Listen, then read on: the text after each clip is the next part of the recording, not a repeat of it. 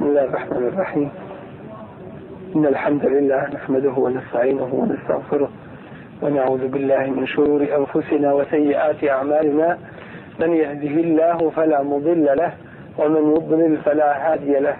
وأشهد أن لا إله إلا الله وحده لا شريك له وأشهد أن محمدا عبده ورسوله. أرسله الله بالحق بشيرا ونذيرا بين يدي الساعة من يطع الله ورسوله فقد رشد ومن يعص الله ورسوله فلا يضر إلا نفسه ولا يضر ولا يضر الله شيئا. أما بعد فإن أصدق الحديث كتاب الله وخير الهدي هدي محمد صلى الله عليه وسلم وشر الأمور محدثاتها وكل محدثة بدعة وكل بدعة ضلالة. ثم أما بعد. وش uzvišeni Allah tabaraka wa ta'ala kako treba u svome životu da radimo i da djelujemo.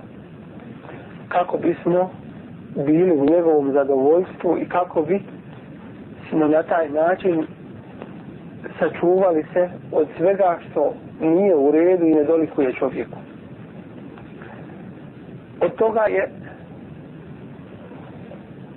čovjek odgovoran i obavezan u pogledu ovih nijemeta i blagodati koje mu je Allah podario. Jedna od velikih blagodati jeste blagodat govora. Nju zna i cijeni onaj koji ne govori, koji ne ima ove blagodati. A oni koji govore često nisu zahvalni Allahu na ovome nijametu.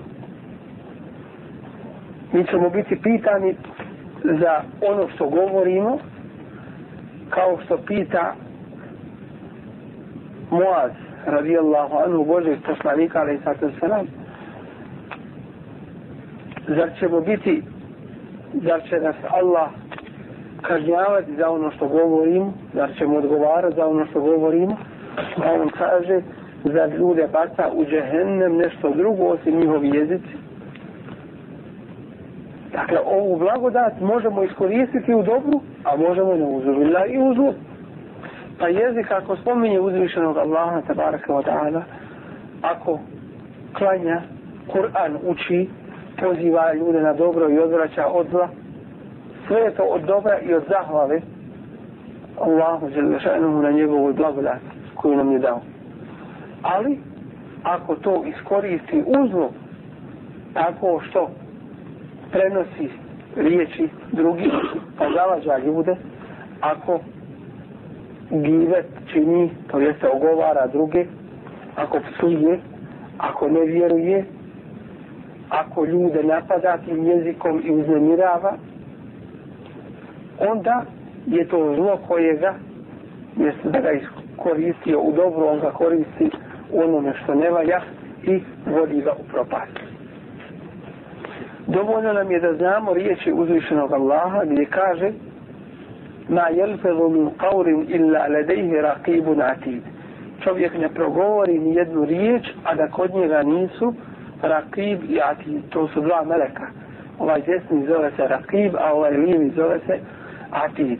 Sve što progovori, sve se to obilježi sve to ostaje do sudnjeg dana, na dan kada će se otvoriti, za svaki dan posebno zapisano šta si rekao i šta si uradio. Kome će se to iznijeti? Čovjeku pred svim ljudima. Ko će to iznijeti? Onaj koji zna ja'lamu sirra wa ahfa, koji zna tajne i ono što je skrivenio tih tajne. I zato musliman nastoji u cjelokupnom svome životu da bude u zadovoljstvu svoga stvoritelja subhanahu wa ta'ala. Pa gleda da mu zahvaljuje, da mu bude u pokornosti.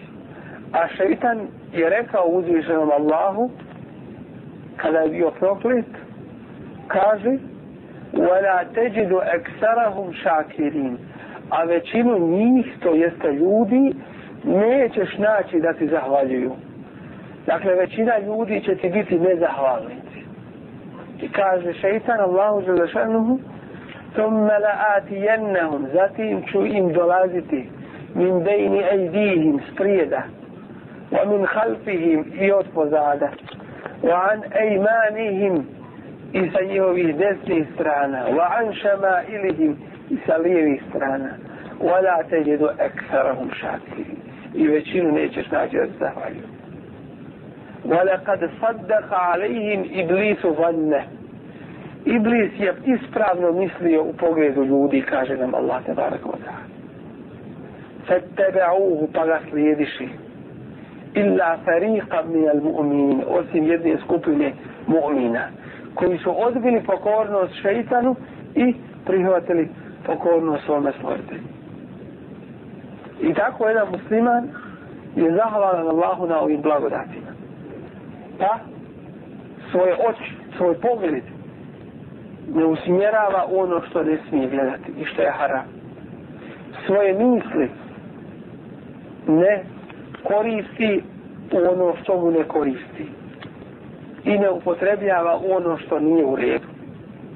Svoj sluh, svoj govor, svoju snagu koju mu je Allah podario, svoju ljepotu i blagodat mladost i sve ostale Božije blagodati samo u hajr koristi i samo u dobro koristi dok ne sretne svoga gospodara na sudnjem danu i on sa njim zadovoljen. Kao nastavak prošlog kazivanja noćas ćemo govoriti o jednoj bolesti koja zadešava ljude koji su pustili svome jeziku da radi šta hoće. Ta bolest se naziva nemimet. U slobodnom prevodu to je prenošenje tuđih riječi. Da vidimo šta nam Islam o tome kaže, kakav je hukum Islama o tome, šta je to sve nemimet i u šta? Šta se sve ubraja u nemimet, kako mi ne bismo upali taj haram? Kakva je kazna za njega? Kako čovjek da se sačuva toga nemimeta? Kada mu neko govori i prenosi tuđe riječi, šta da u tom slučaju učini? i kako da liječi taj nemimet kod samoga sebi. To je vrlo važno da odgovorimo na sve to kako bismo se mi sačuvali od toga harama i drugima prenijeli što treba da radi. Kao prvo, šta je to nemimet? Šta je to u slobodnom prevodu rečeno prenošenje riječi? Kaže Hafiz ibn Hajar, rahm, rahmetullahi alihi, a to je komentator Buhari, je jedan od najvećih učenjaka nauke o hadisu. Prenoseći riječi Gazalije, rahmatullahi ali. Gazalije je isto tako islamski učenjak, veliki islamski učenjak, tim što treba napomenuti da je u jednom periodu svoga života govorio nešto što nije bilo u skladu sa islamom. Pa se kasnije pred kraj života pokajao kod nekih kad se kaže Gazalija, odmah će ga odbaciti, reći kad, kad je govorio to, ništa od njega ne prihvatam, a to nije u redu. Pa kaže, nenimet je u osnovi prenošenje govora onome o kome se nešto reklo. I to nije ograničeno na ovo spomenuto. Već možemo reći da u nemimet ulazi sve što nije drago dotičnoj osobi da se kaže, da se otkrije. Bez obzira da li to bilo mrsko onome od koga se to prenosi ili bilo mrsko onome kome se to prenosi. Ili nekome drugome. Dakle, može biti to neugodno nekoj trećoj osobi. Sve to spada u, u nemime. Radilo se o riječima o dijelima ili o nekim mahanama, o nekim nedostacima ili o nečemu drugome. Kada bi vidio nekoga da sakriva neki imetak, stavio ruku u džep i uzeo broje pare pred nekim, ali nije bio svjestan da je taj prisutan. Kada ga je vidio, stavio u džep ovaj ode drugome i kaže, e, vidio sam ga da on ima sredstava. I to je nemine. Dakle, prenijeti nešto od dijela ili riječi drugoj osobi, bilo to neugodno onome od koga se prenosi ili onome kome se prenosi ili nekoj trećoj osobi. Dakle, to je, možemo reći drugim riječima, jedna vrsta uznemiravanja nekoga od muslimana. Ezijeta nekoga od muslimana. A to svakako nije dozvoljeno. Kaže imam Nevevi, on je komentator muslima, u rivajetu neće ući u džennet onaj koji prenosi riječ. Kaže se nemimet je prenošenje riječi u svrhu zavađanja ljudi. Nekada čovjek to može prenijeti te riječi, a nije svjestan šta one i iza sebe nose kao posljedicu. Ali pošto je uzrokovao zavađanje među ljudima, neprijateljstvo među njima, onda on snosi i posljedice toga njihovog zavađanja. Dakle, čovjek nekada nesvjesno uradi nemimet, pa on ima svoje loše posljedice. I zato je u tome slučaju čovjeku dužnost da čuva svoj jezik i šta govori. I da ne govori bez potrebe. Jer ne zna šta je ljudima drago da se zna, a šta nije. I od toga je hadis Resulullah, ali sad samo kome kaže, onaj ko vjeruje u Allaha i sudnji dan, neka govori samo što je dobro ili neka, ili neka šuti. Tako će se u najmanju ruku sačuvati. Buharija u svome sahihu navodi naslov i kaže babu ma yukrahu minan nemimeti. Poglavlje o onome što je pokuđeno od nemimeta i od prenošenja riječi. Iz ovog naslova Buharinog možemo shvatiti da ima nenimeta koji je koji nije pokuđen. A koji je to? Dozvoljen je nenimet u pogledu nevjernika. Jer nevjernik u tom slučaju ne ima svoga hurmeta i te zaštite koju ima mu'min vjernik. Pa nam je dozvoljeno reći muslimanu ono što je rekao kafir dozvoljeno je prenijeti muslimanu da bi svoga na to upozorili i da bi se on njega čuvao. Dakle, u pogledu nevjernica, kafira, dozvoljeno je prenijeti njihove riječi i njihova dijela. Zatim, dozvoljeno je uhoditi u državi nemuslimana i prenositi ono što i u štetu nanosi. Dakle, čovjek koji bi bio tim zadužen da ide u neprijateljsku državu, da ih uhodi i onda prenio ono što oni govore, što rade i tako dalje. Isto tako dozvoljeno je prenijeti riječi jednih kafira drugima u cilju zavađanja. I u svrhu da se da se među njima neprijateljstvo, neprijateljstvo uspostavi. I zato imamo primjer u na, na Hendeku. Kada dolazi jedan od ashaba, Nuaym ibn Mesud, i kaže, Boži poslaniće, ja bih htio da učinim neko dobro. Kaže, ti si pojedinac, a uradi šta možeš. Pa je otišao židovima i kaže ja sam vaš prijatelj. Ja vam hoću dobro. Mušrici hoće od vas da uzmu neku garanciju. Oni udoše odavde jer oni nisu stanovnici ovih mjesta. Da bi se ste osigurali vi zapravo od njih uzmite neku garanciju. Ostavite kod sebe nekoliko njihovih prvaka. Tako vas oni predaju ako vas predaju Muhammedu, vi ćete dati te prvake Koreša da se pobiju i na taj način vi ćete biti zaštićeni. Kaže tako i jest. A onda ode mušicima pa kaže oni židovi će vas izdati.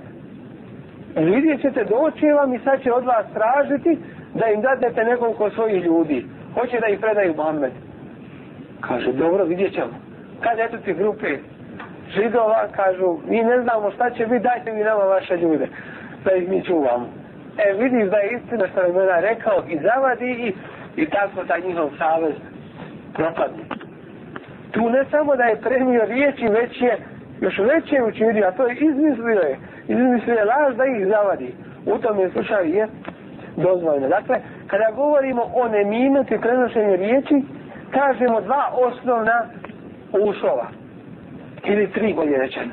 A to je da se prenosi od muslimana da se prenosi ono što nekome nije drago bez obzira o kome se radilo i treće da to izaziva smutnju i nered i neprijateljstvo. Dakle, ta tri šarta su u nemimetu spomenuta. Kakav je šerijatski stav u pogledu nemimeta? Nemimet i prenošenje riječi i tuđih dijela je najstrožije zabranjeno. Haram. I o tome su se složili svi islamski učenjaci. Što se tiče Kur'an i Kerima, kaže uzvišeni Allah tabaraka wa ta'ala فلا تطع كل حلاف مهين هماز مشاء بنميم مناع للخير معتد أثيم što znači u prijevodu fela tutija i nemoj slijediti kulla hallafin onoga koji se kune i zaklinje puno ali lažno jer onaj ko hoće svoj laž da potvrdi onda se puno zaklinje. Hallafi mehin onaj koji ne ima nikakve časti niti obraza. Hemmazin koji je klevetnik. Mešaim binemim koji ide po nemimetu prenosi tuđe riječi. Menna'il lil hajri koji spriječava da se radi hajr i dobro.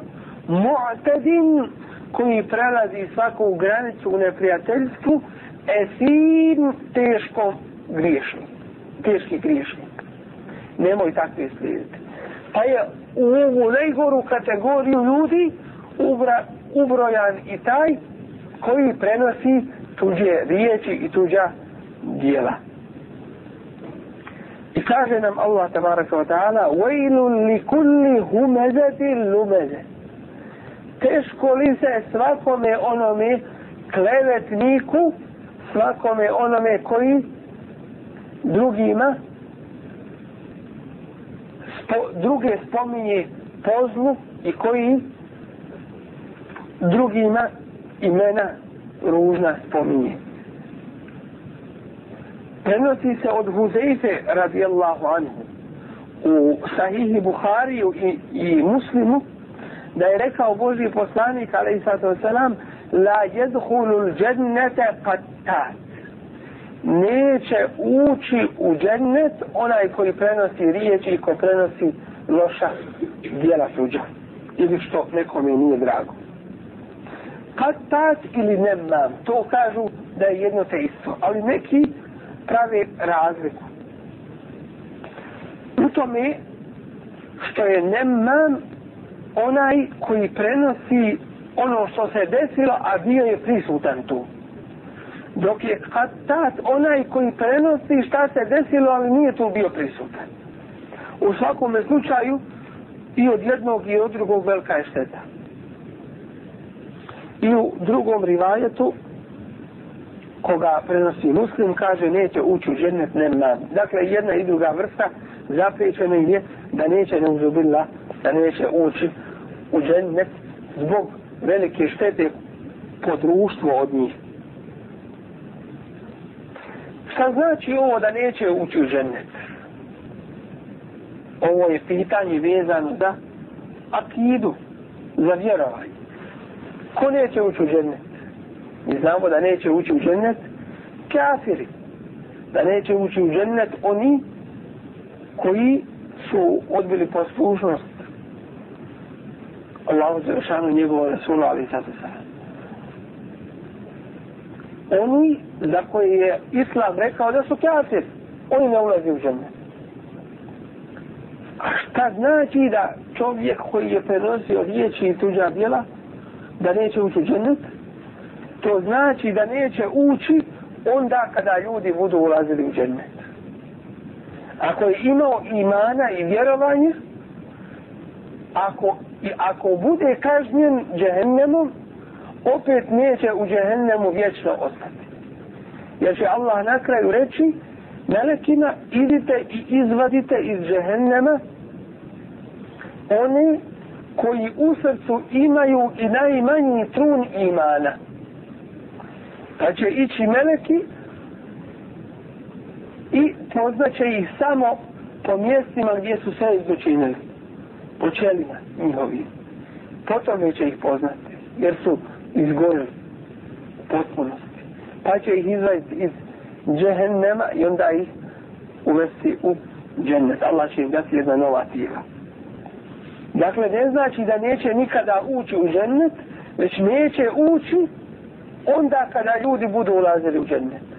Ili će biti zadržani, pa će kasnije ući u džennet, ako im Allah oprosti to, ili ako im Allah ne oprosti, onda će ih kazniti u džehennemu, ali opet na kraju idu u, u džennet zato što su imali osnovu imana i osnovu vjerovanja. Takvi svojim postupcima ne postaju kafiri. Već ako im Allah ne oprosti, a umrli su tako bez teobe, ako im Allah ne oprosti, onda idu u džehennem, ali će opet na kraju u, u džennet otići. To je vjerovanje i akida ehli sunneta džemata. A onaj koji je učinio teške grije pa se pokaje Allah mu, to prašta ko se iskreno Allahu pokaje za grijehe, izlazi iz tih grija kao od majke rođen. I tolika je veličina te obe i inša Allah o obi ćemo posebno kazivati govor. I ehli sunne i džema'a, dakle ispravno vjerovanje, da se upućuje na to da čovjeka ne smijemo proglašavati kafirom osim ako je otvoreno postao kafir. A znamo kako se postaje kafir, to je da zanijeće nešto iz Kur'ana, iz sunneta što je preneseno, a nema u to nimalo sumnje. Zatim da zanijeće nešto iz vjere što je poznato, nužno poznato s ljudima. Zatim da se izigrava sa nečim od ove vjere. Zatim da dozvoli ono što je Allah haram učinio ili da zabrani ono što je Allah halal učinio Znači, mijenjanje Allahovog zakona i smatranje da je drugačije nego što je Allah uzvišen rekao. Smatrati da neko može izaći iz granica Islama i šarijata, da može raditi šta hoće. Zatim sarađivati sa neprijateljem protiv muslimana, ne smatrati kafira kafirom i tako dalje, sve to izvodi islam. Ono što se uradi od grija, mimo toga, ne izvodi iz islama, osim ako ga čovjek dozvoli sebi. A osim ako ga čovjek dozvoli sebi. Pa kada bi čovjek rekao ne uzovila da je alkohol dozvoljen da se pije, izašao bi time iz vjere. Ako bi rekao da se ne mora klanjati, izašao bi time. Makar klanjao. Zašto? Jer je zanijekao nešto od vjere što je poznato, nužno poznato po, po vjeri. Spominje Ibnu Abdul Bar od Jahja Ibn Ebi Ketira da je rekao toliko štete onaj koji prenosi tuđe riječi i djela, toliko štete učini u jednom sahatu koliko sihirbaz ne učini u godini dana. Zavade se ljudi, sela, porodice, rodbina rodbinu ne, ne posjećuje. To se godinama pamti, iz generacije u generaciju. Jer sihirbaz što učini, ne može uvijek uspjeti. To je sihr napraviti nešto, nešto, nešto vrlo teško. Od hiljadu ako nekoliko uspije. Nije to nimalo jednostavno raditi. A i kad uradi, štetu nanese dotičnoj osobi. Ali taj koji prenosi riječi i tuđa djela i tako dalje, zavadi porodice, zavadi generacije. Bela i učini, ratovi su znaš da su opas zbog toga. I zato kaže da se ovo može ubrojati u vrstu sihra. To jeste općaravanje ljudi, zavađanje to među ljudima. Zato što učestvuje u sihru u tome što razdvaja ljude. Jer znamo da je od svojstava sihra da rastavljaju ferrekune bejnal mer'i ve zauđihi. Rastavljaju ženu od čovjeka. Sihr. A ovo rastavlja i ženu od čovjeka i brata od brata i oca od sina i svašta drugo. To je to prenošenje riječi neuzubina. Mijenja srca ljudi. Do juče ga volio, odjednom ga zamrzi. Postaje mu naj, najljuči dušman. Do juče ne bi volio da mu se išta ružno desi. A danas volio bi na komane da ga sjeće. On sam, lično, sobom. Kolika je ta opasnost od toga nemimeta i od toga prenošenja i zavađanja, prenošenja riječi i zavađanja ljudi. I to sije šer po, po ljudima, među ljudima. Prenosi Abdullah ibn Abbas radijallahu anhu, a hadis se nalazi u Buhari, Tirmizi i Ebu Dawud dovoj zbirci hadisa. Kaže, izašao je Boži poslanik, alaihi sallatu wasalam, među zidinama Medine, pa je čuo glas dvojice ljudi koji su u azabu. Koji su u azabu jednoj velikoj patnji. Svi kabrejzima u njihovim grobovima. Mi to kao ljudi ne možemo čuti. I to ne čuju ni ljudi ni džini. Ali životinje to čuju. I vi ćete vidjeti, mnogi nam kazuju o tome, da životinje kad se nađu na veće pred akšam ili izutra, pored grobja da se uznemiri. I kada soka ima zatvor, zatvor jede, a ne može toga da se riješi, stari ljudi su znali predveće odvesti tu stoku među grobove kafira, nevjerničke grobove i odmah se otvori ta stoka. Odmah ovaj, se rastereti toga. Jer čuju taj azabot. Kaže Resulullah, ali sam sam kada bismo mi to čuli, popadali bismo od, od, od tegovi, od straha. A azab oni bivaju izutra i na večer.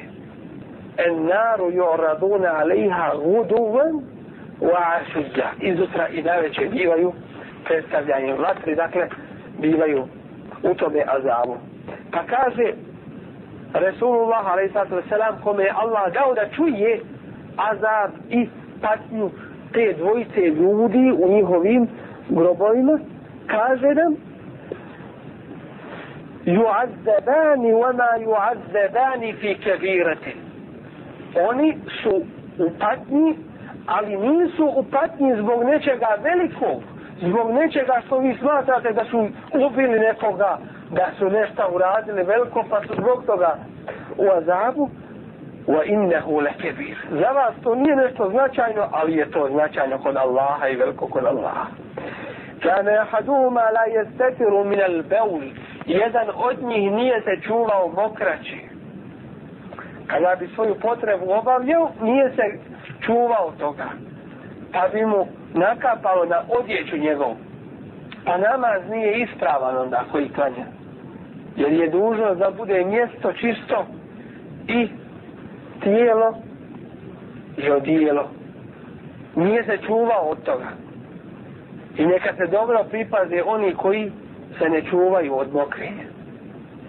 Što se tiče drugoga, on je išao po nemimetu, prenosio tuđe riječi i dijela. Zatim Božji poslanik, ali i sato selam, reče da mu donesu jednu granu. Slomi je na dvoje, stavi jedan dio na jedan mezar, drugi stavi na drugi mezar. I reče, la'allahu يخفف عنهما anhuma لم jejbesa. Možda će im Allah olakšati ovaj azab dok se ne osuše ove dvije grančice. To jeste dok u trajanju, dok se ove grančice dvije ne, ne osuše, možda će im Allah u tome periodu olakšati njihov azab. Ovdje jedna napomena. Neki od ovoga uzimaju sebi za dokaz da se mogu vijenci nositi na mezari. E, kažu Bože poslanik, ali tam sam uzeo je grančicu pa stavio na mezari, kaže Bože će im to biti olakšica u njegovom kaburskom azabu. Što se tiče odgovora na ovo pitanje, on je vrlo jasan. A to je praksa Božijeg poslanika, ali sad to je sada. Što znači da nikada to kasnije, ni prije toga Resulullah, ali sad sam nije radio. Dalje, nije rekao da to i kod njega, iza njega radi. Niti je i kod ashaba to radio. A ovo je bilo posebno vezano za dovu Resulullah, ali sad to sam. A njegova dova je kabul kod Allaha da učini da im se olakša azab u tome periodu, u trajanju, dok se te dvije grančice ne osuši. A kada bi neki cijelu šumu posjetili pa stavili na grobove nekih, neće im to olakšati ako Allah im ne olakša. Dakle, u ovome nema delila za vijence, za cvijeće i tako dalje. Ko donosi cvijeće na grobove, donosi radi sebe, što mi je lijepo gledati u to cvijeće a onaj mrtvi ni to miriše, ni to vidi, ni to osjeti. Nego svoja dijela koja je uradio, a ti ako hoćeš da mu hediju i poklon dadneš, onda uzmi sadaku pa daj u ime Allaha za toga umrlog, za koji kurbana za njega, hađ obavi za njega, uzmi pa posti, ako mu je ostalo posta pa nije postio i tako dalje. Napravi neki hajrat, neki vakuf i neko dobro i namijeni u ime Allaha a za dušu toga. To ti je prihvaćeno kod Allaha, inša Allah, ako je iskreno ime Allaha. I od toga će taj umrli imat sevaba i imat poklon će mu taj doći za sigurno. Drugo nešto nije ispravno. Šta treba čovjek kome neko prenese tuđi govor? Šta treba da učini? Kaže imam Nevevi, svako komu je bude preneseno nešto od nemimeta, od drugog go, tuđeg govora i dijela, pa mu bude rečeno taj i taj govori to i to o tebi. I radi to i to u pogledu tebe. Na njemu je, to jeste na tome kome je to rečeno i kome je to preneseno, da uradi šest, šestero kao prvo da ne vjeruje tome koji mu je donio to, tu vijest. Da mu ne vjeruje u tome. Zašto? Zato što je on fatik, griješnik. A Allah nam kaže in ja'akum fatikum bi nedain fatebejen. Ako vam dođe fasik i kakav griješnik sa kakvom viješu, vi to provjerite. Dakle, nemojte mu vjerovati. A ovaj je fasik ne trebamo vjerovati. Ne smije čovjek ovdje tek se zainteresovati. A je to rekao? A šta je još bilo? Gde mi reci? I tako dalje. Ne. Nego treba prvo da mu ne vjeruje. Drugo, da ga spriječi u tome govor. Da ga prekine u tome. Ne dozvoli da nastavlja dalje. Jer što više nastavlja, sve više ti ubaci u srce otrova. Pa se čuvaj toga, da ne podlegneš tome. Treba da ga posavjetuje i da mu zabrani to što radi. I da mu omrzne to djelo. Treće, da prezre to njegovo djelo i ako nastavi sa tim i njega samog da prezre. Zato što uzvišeni Allah to mrzi. a ti moraš mrziti ono što Allah mrzi. I mrzi i to dijelo i toga ko to radi. Četvrto, da ne pomisliš u pogledu tvoga brata od koga ti je to preneseno ništa loše.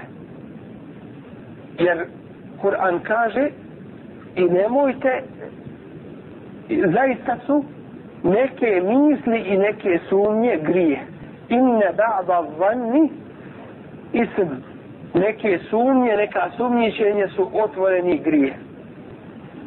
Peto, da ga ne navede, to jeste da te ne navede, to što si već čuo, što bi je preneseno, da počneš ispitivati i istraživati to, da li je to u stvari tako. Jer znači da si već prihvatio i da si se, što se kaže, upecao na tu udicu. Jer vidjet ćemo u Koranskom majtu u suraj Al-Hudurat, da uzvišeni kaže, inne ba'da vanni ism neke sumnje su grijeh wala te džesesu. I nemojte jedne druge uhoditi. Znači ako imaš sumnju nemoj da te sumnja navede na uhođenje. A onda dalje to uhođenje da te navede na gibet i na nemimet. Wala javate ba'dukum ba'da. I nemojte jedne druge gibetiti, ugovarati i lošo jedno drugima kazivati i Resulullah a.s. kaže vidio sam većinu stanovnika dženneta siromahe. Jer bogatstvo u većini zavara. Biće i bogataša ali većinom bogatstvo zavara. A vidio sam većinu stanovnika džehennema da su žene. I vidio sam većinu stanovnika džehennema da su žene. Zašto? zato što koliko god dobre dijela uradi svojim jezikom to, nažalost, u dosta slučajeva pokvari. Pa se kaže, kada jedan od vas učini ženi cijeloga života i radi i čini dobro, a onda ona od njega doživi i osjeti nešto što joj nije drago, kaže, nikada od tebe nikakvog dobra nisam vidjela. Dakle, za nije će dobro. To je peto. Dakle, da čovjeka ne navede to što mu je preneseno, da da ispituje to, pa dalje da preduzima korak. I šesto, da nije zadovoljan sa onim što je zabranjeno i drugima. To jeste da ne prihvatiš govor toga koji ti je prednio, to pa onda ti da postaneš onaj koji prenosiš na drugi. Onaj prvi se zove nemam, a ovaj drugi se zove katat. I jedan i drugi navedeno je za njih da da neće u džennet. Neće u džennet kada budu ulazili ljudi u džennet. Ostaju nam tri pitanja. Prvo je šta treba čovjek isto da učini kada čije gibet to je se ogovaranje drugoga. Jer smo prošli put govorili o gibetu. Ali smo ostavili ovu temu da ju potpunimo sa nemimetom. I drugo, šta to navodi čovjeka na gibet i nemimet isto tako? I treće, kako da se liječi od gibeta i od nemimeta. Kaže imam Nelevi rahmetullahi alaihi, znaj da onaj ko čuje gibet muslimana, brata muslimana, da je dužan da to odbije. Da upozori onoga koji je ogibetio brata muslimana, oni koji nisu čuli šta je to gibet i pojedinosti o tome, neka potraže kasetu koja je snimljena o gibetu, tako da bi upotpunili ovu temu. Ako ne htjedne prestati taj koji gibeti, koji ogovara druge ili ne mimeti, ako ne htjedne prestati nakon što bude upozoren riječima, onda ga treba spriječiti rukom. A ako čovjek ne može ga spriječiti ni rukom, ni jezikom, onda će napustiti to društvo. Jer dok si u tome društvu i tebi se piše grijeh toga. A ako čuje gibet i ogovaranje onoga koji ga poučava, onoga od koga sluša dersove, ili gibet ogovaranje svojih roditelja, onda je to još gori. Onda još je preće da to mora vratiti i odbaciti. Ako bi, na primjer, neko od onih koji nemaju dovoljno iluma, čuli za neku grešku od onih koji kazivaju dersove, prenose ilom i tako dalje, pa počeo te greš, greške javno iznositi i sramotiti tu osobu, ti koji si čuo dosta dobra od te osobe, dužan si to odbiti. Ili, ako bi, na primjer, neko o tvojim roditeljima nešto ružno govorio, ako, bez obzira o kome se to radilo, o tvojoj ženi, ili o nekome drugome, pa kaže, pa tvoj otac ovakav, pa tvoja majka ovakva i tako dalje, grijet je ako ušutiš na tome. I to ne obični grijeh, već poseban grijeh. Jer imaš posebnu obavezu i dužnost prema, prema onome ko te je naučio ilomu znanju i prema onome ko te je odgojio i ko je dao sa Allahom pomoći da odrasteš i dobiješ snagu. Prenosi se od Džabir ibn Abdullaha i Ebu Talhi radijallahu anhu. Hadisu koga prenosi Ebu Davud i Ahmeda kaže šejh Nasir Udin al-Labani da je Hasan hadis. ما من امرئ يخذل امرأ مسلما في موضع تنتهك فيه تنتهك فيه حرمته وينتقص فيه من عرضه إلا خذله الله في موطع في موطن juhibbu fihi nusratahu. Ne ima nijednog čovjeka koji svome bratu muslimanu ne pomogne na mjestu gdje se njegov hurmet, njegova čas dotiče i njegova čas umanjuje. neimam nikoga kod svoga muslimana brata napusti u takvome u takvoj situaciji, a da Allah toga neće napustiti na mjestu gdje voli da bude pomognut. To jeste kada čuješ gibet nekoga u svome prisustvu, ako ne odbiješ to i ne odgovoriš na to, neka znaš da te Allah neće pomoći na mjestu gdje ti je pomoć potrebna. Upravo istom mjerom. Zato što ti nisi htio pomoći svome vratu muslimanu. I isto tako, وَمَا مِنْ إِمْرِئٍ يَنْصُرُ مُسْلِمًا A nema ni jednog muslimana koji pomogne svoje bratu muslimanu.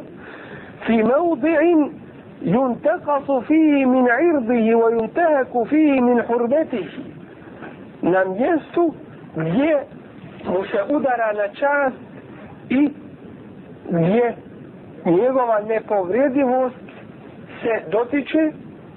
Illa nasarahu Allahu fi mautin yuhib fi mautin yuhib nusara ko pomogne svoga brata na takvom mjestu Allah će tome pomoći na mjestu kada voli da bude pomognu. Znači isto mjerom ti se sve vraća kaže Ebu Darda radijallahu anhu u rivajetu koga prenosi Ahmed i Tirmizija u hadisu koji je Hasan.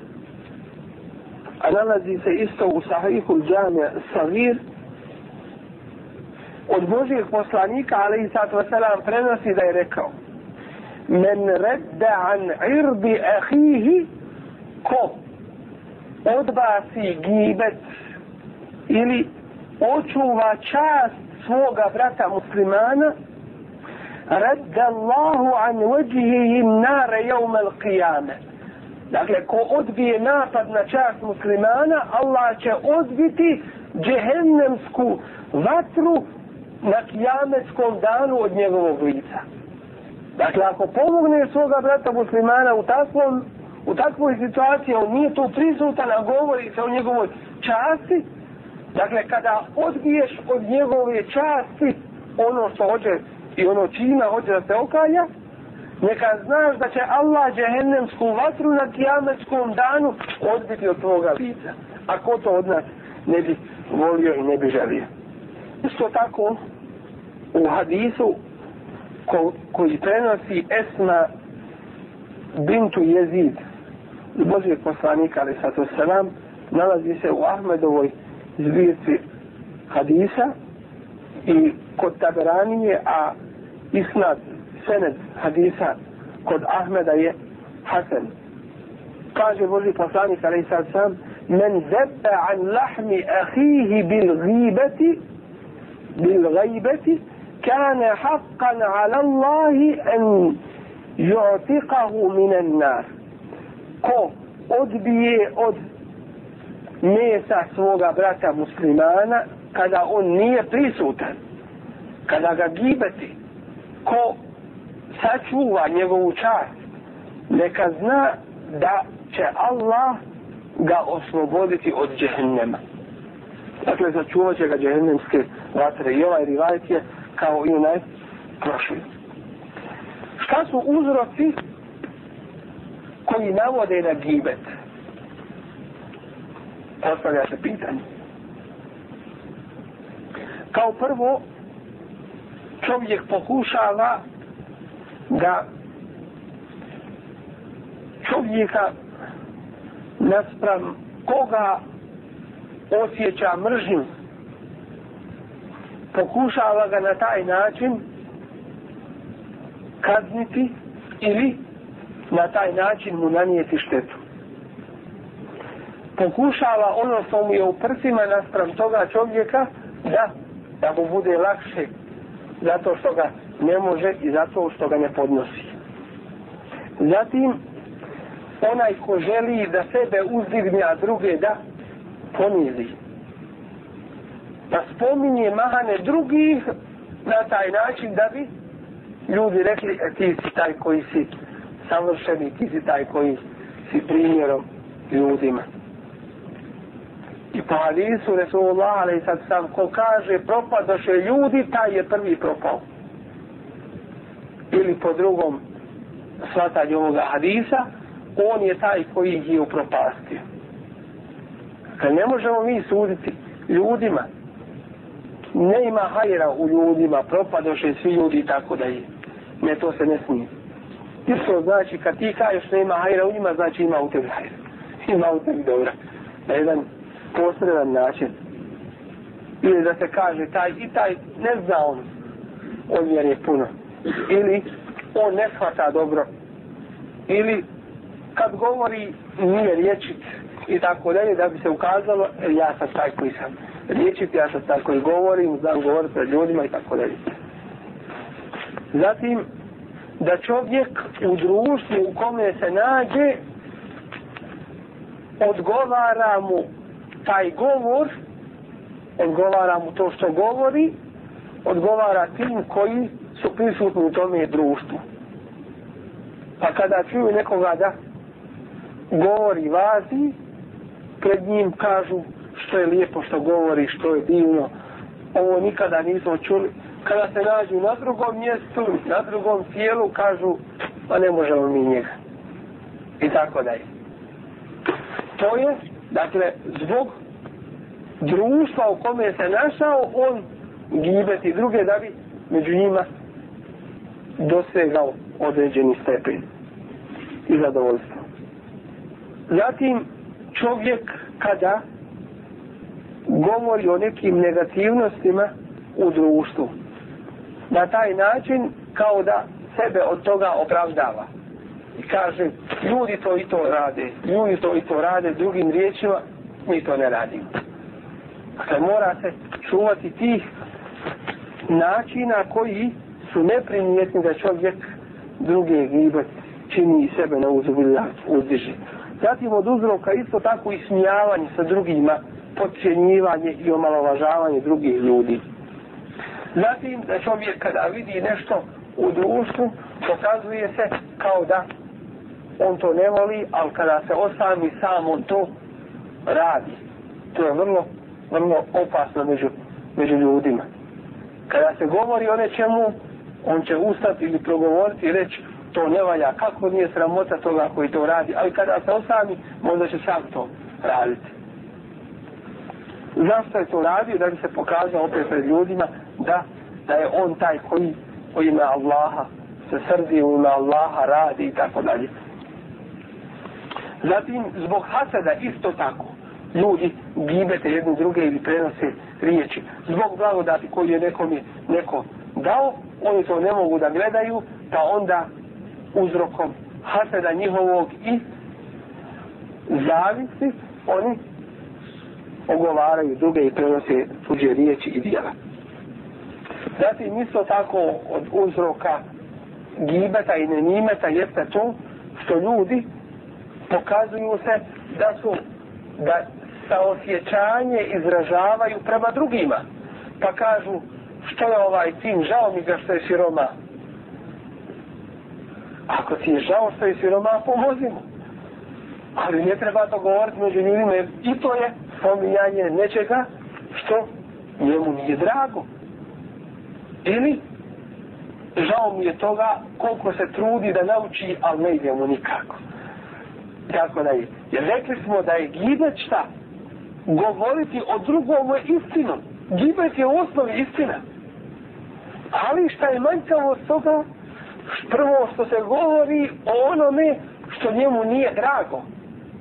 Ako kažeš neistinu, onda ti ga optuži, onda je to još gore.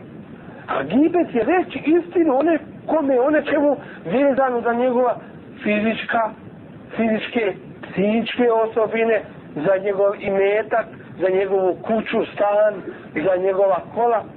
Kad kažeš njegova kola, a ništa, razvajena, samo nasmeće mogu otići. I to je gibe. Zato što si ga posredno gibetio.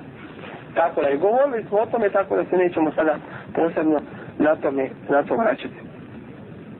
Isto tako od uzroka gibeta je da čovjek govori pred narodom da bi druge nasmijao, da bi drugi razveselio i tako dalje.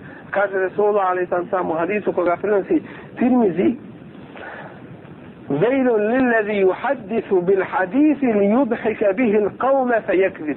Teško li onome koji govori ljudima nešto da bi ih nasmijao.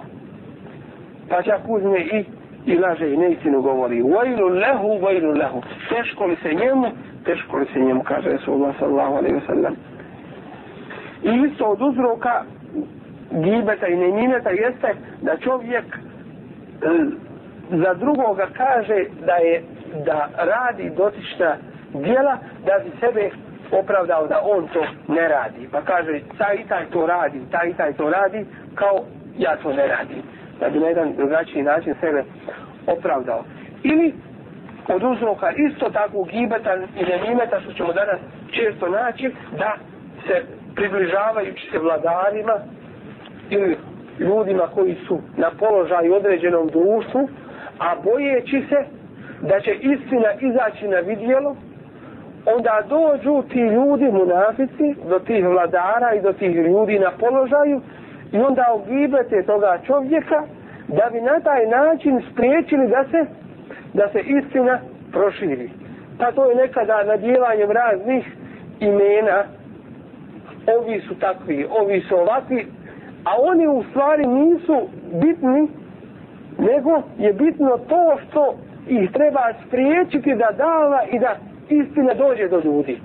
Pa onda gibete takve prenose riječi tako dalje često izmišlja se neistina da bi se u stvari dava spriječila, da bi se istina spriječila da se ne može proširiti. Kako čovjek da se, kao zadnji poglavlje ovome, kako čovjek da se sačuva gibeta i nemimeta. Prvo treba da zna kada čovjek radi ove grijehe da pada u Allahovu srđu. Kao što smo vidjeli iz prije citiranih ajeta i hadisa. Kaže Resulullah sallallahu alaihi ve sellem إن أحدكم ليتكلم بالكلمة من رضوان الله jedan od vas govori sa jednu riječ koja je od Allahovog zadovoljstva ma je zunnu en tebluga ma belegat. Ne smatra da ona od neke važnosti da bi mogla toliko važiti, vrijediti, sa yukte sa jektubu Allahu azze wa jelle lehu biha ridwanehu ila jevmi yalqa. Pa mu Allah tom riječi koju je rekao napiše i odredi svoje zadovoljstvo do, do dana dok se s njim ne sretne. I neko od vas va inne ahadekum le jetekellemu bi kelime. Isto tako kaže neku riječ min sehatidullah koja je od Allahove srđbe ma je zunnu en tebluga ma belegat i ne osjeća da ona može dostići ono što je dostigla fe jektubu Allahu alaihi biha sehatahu ila jeum jelka pa Allah njome upiše mu svoju srđbu do dana kada se s njim ne sastane. Ovaj hadis prenosi Tirmizija, Ibn Mađe, Malik u svom muvetau, Ahmed i drugi. Isto tako, čovjek treba da zna da će se uzeti od njegovih dobrih dijela na kijametskom danu, ko će uzeti? Onaj koga je gibetio i, i čije riječi prenosio. Pa ako ne bude imao dobrih dijela, na njega će se prebaciti tuđa loša djela. Pa možda će mu na mizan Tereziji, to jeste na vagi na kijametskom danu na kojoj će se vagati dobra i loša ljudska djela. Možda će njegova ona strana loših dijela prevagnuti upravo tim gibetom ili tim lošim dijelom koji je učinio možda će mu uzeti ono dobro djelo koje mu je bilo neophodno da bi dobra djela pretegla. Jer imamo tri vrste ljudi na kijametskom danu. Oni čija će dobra djela pretegnuti. Fa emma men sekulet ma wazinu fa ulajke humul muflihun. Čija dobra djela pretegnu, oni su spašeni, uspjeli su. وأما من خفت موازينه فأولئك الذين خاسروا أنفسهم في جهنم خالدون أوني čija loša djela pretegnu, oni su sebe upropastili u džehennemu su vječno. Koja je treća vrsta ljudi? O tome nam Allah govori u posebnoj suri koja se u Kur'anu naziva El-E'raf. To su ljudi čija su dobra i loša dijela izjednačena. Niti su dobra prevagnula, niti su loša prevagnula. I mi će ostavljen jedan period tu. Džennet li je otišao u džennet, džennem li je otišao u džennem. Treba im jedno dobro djelo. Da Bog da nisu ono jedno loše uradili, pa da kada prevagne ona dobra da prevagnu djela. Kad kažeš elif, la, mi, to su tri harfa iz Korana. A za svaki harf po deset sevaba, to je trideset sevaba. Njima je jedan sevab, samo treba. Kul huvallahu, kad proučiš, koliko ima tu harfova? Preko tri stotina sevaba preko tri stotine sevaba. Nima jedan sevab bio potreban. Sjeti se toga, možda ti zatreba taj sevab. I nemoj se sa tim rasipati. A, jako mu ne ustreba tada, neka se čovjek sjeti da će biti dovezen pred toga koga je kibet činio, ugovarao i čije riječi i dijela prenosio, pa će biti traženo od njega na danu kada mu bude neugodno, pa će biti pitan, pa će morat odgovarat, pa će biti ispitivan, a to samo po sebi je jedna vrsta azaba. Kada čovjek to zna, onda njegov jezik neće moći progovoriti ništa osim samo dobro. Jer je Allah uzvišeni tri zastora postavio jeziku. Mogao je Allah dati jezik da bude napolju. Pa da govori bez ikakve kontrole. Ali je dao tri zastora ili tri ograde tome jeziku. Kao prva ograda jeste jesu zubi. Jezik ne može progovoriti dok se ne otvori to. Druga jesu usne. Elem neđa'al lehu ajnejni wa lisanen wa šefetejni. Zar mu nismo dali dva oka i jezik i dvije usne. Dakle, i usne sprečavaju dok da, da jezik progovori. I treće, razum tvoj, pamet. Jer pametan ne govori ono zbog čega će se morati ljudima izvinjavati.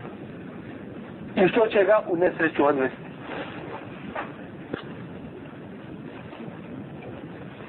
Tada će čovjek paziti i misliti na svoje mahane i neće se baviti mahanama drugih ljudi.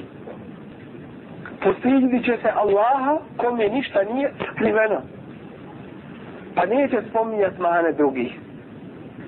U svakom slučaju treba da ljudima, muslimanima, da nalazi opravdanje i izlaze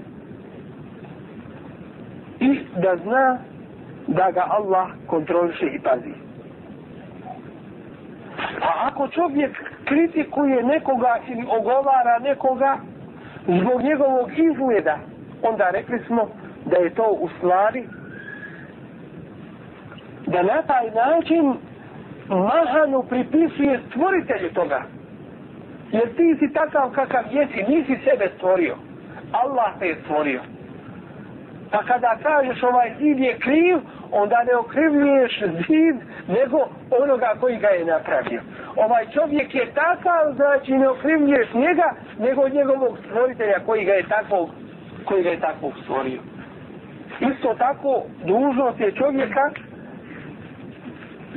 da se klone haseda, zavisti, da se pazi da ga ne odvede to što vidi blagodat drugih u zavis, u poricanje blagodati koju kod sebe ima, pa da počne druge ogovarati, prenositi njihove riječi i zavađati među, među ljudima.